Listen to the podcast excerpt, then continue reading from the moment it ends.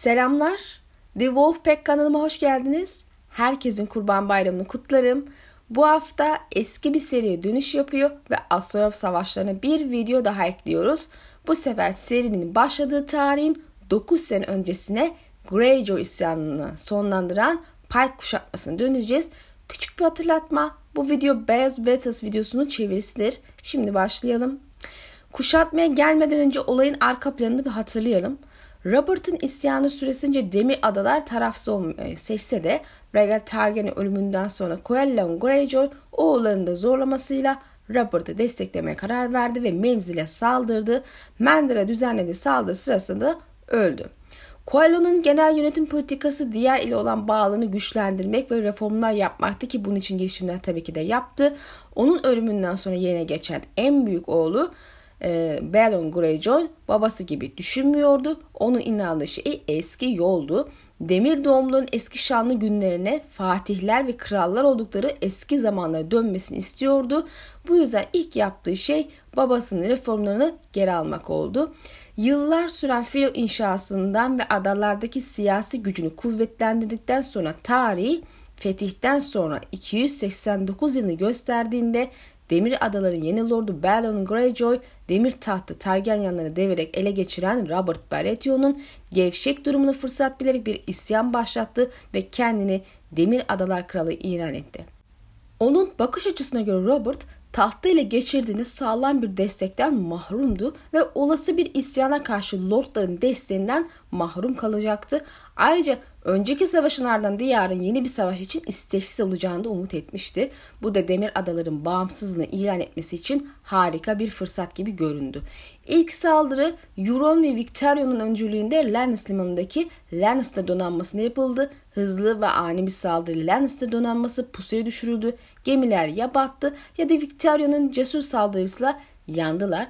Bu zafer Balon'a gün batımı denizinde tabii ki de üstünlük verdi. Buradaki zaferin ardından Balon'un büyük oğlu ve varisi olan Roderick nehir topraklarındaki deniz gözcüsüne saldırdı. Lord Jason Mallister Roderick'i kale duvarlarında öldürdü ve donanmayı geri püskürttü.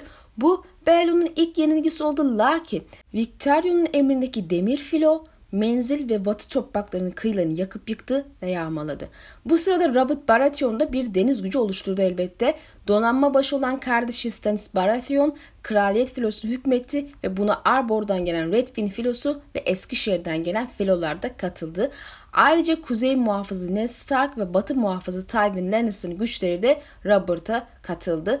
Victorion Güzel Ada Boğazı'ndan güneye yöneldi ve orada Arbor'un Redwing filosu ile karşılaştı.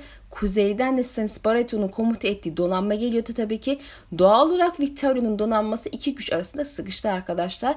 Demir filonun başı olan Victorion Greyjoy'u hezimete uğrattılar ve Greyjoy kardeşlerinin en küçüğü olan Aeron Greyjoy esir düşerek isyanın devamını Lannister'ların zindanlarında geçirdi.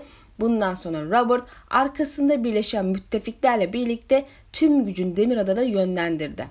Stannis adaların en büyüğü olan Büyük ele geçirdi.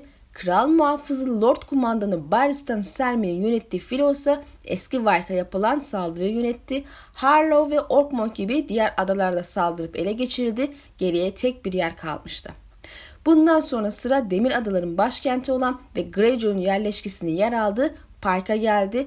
Demir tahta bağlı kraliyet filosu Pike kuşatmasına başladı. Son savaş bizzat Robert Baratheon ve yakın arkadaşı Ned Stark tarafından yönetilmişti.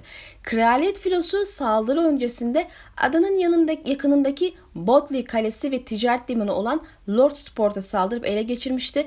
Greyjoy'un yerleşkesine yapılan saldırı tabii ki de amansız ve hızlı oldu. Kralın birlikleri kalenin duvarlarını ve ana gözetleme kulesini parçalayıp yıktı. Roderick'in ölümünden sonra varis olan Balon'un üç oğlundan ikincisi olan Meryn kulelerden bir üstüne düşünce burada öldü. Demir doğumlar kraliyet güçlerini durduramadı. Kısa sürede birlikler kaleye girmek için bir gedek açtı. Burada yapılan saldırıda alevli kılıcılı Mili Kızıl Rahip Toros Gedik'ten ilk gelen oldu ve ardından Ayı Adası Lordu olan Jorah Mormont geldi. İkisi de cesurca savaştı ve bu savaşta gösterdiği başarı Jorah'ın kral tarafından şövalye ilan edilmesini sağladı. Yaşlı dadın torunu da duvarlarda öldürüldü. E, kaleye giren kraliyet güçlerine karşı cesaretle savaştılar da demir doğumlar uzun süre tabii ki de dayanamadı. Kalesinin zapt edildiğini ve kayıplarının çok olduğunu gören Balon Greyjoy nihayetinde bu savaşı kaybettiğini anlamıştı İsyancı kral Balon Greyjoy demir tahtın kralı Robert Baratheon'un önüne diz çökerek bağlılık yemin etti ve ayağa yeniden bir lord olarak kalktı. Stannis Balon'un ihanetine karşılık öldürülmesini e, istese de Robert bunun yerine onu affetti. Balon'un bir daha isyan etmemesi için hayatta kalan son oğlu ve valisi olan 9-10 yaşlarındaki Theon Greyjoy'u Ned Stark'a rehin verildi. E, Theon bundan sonraki hayatını Winterfell'de Stark'ların arasında yaşamaya mahkumdu.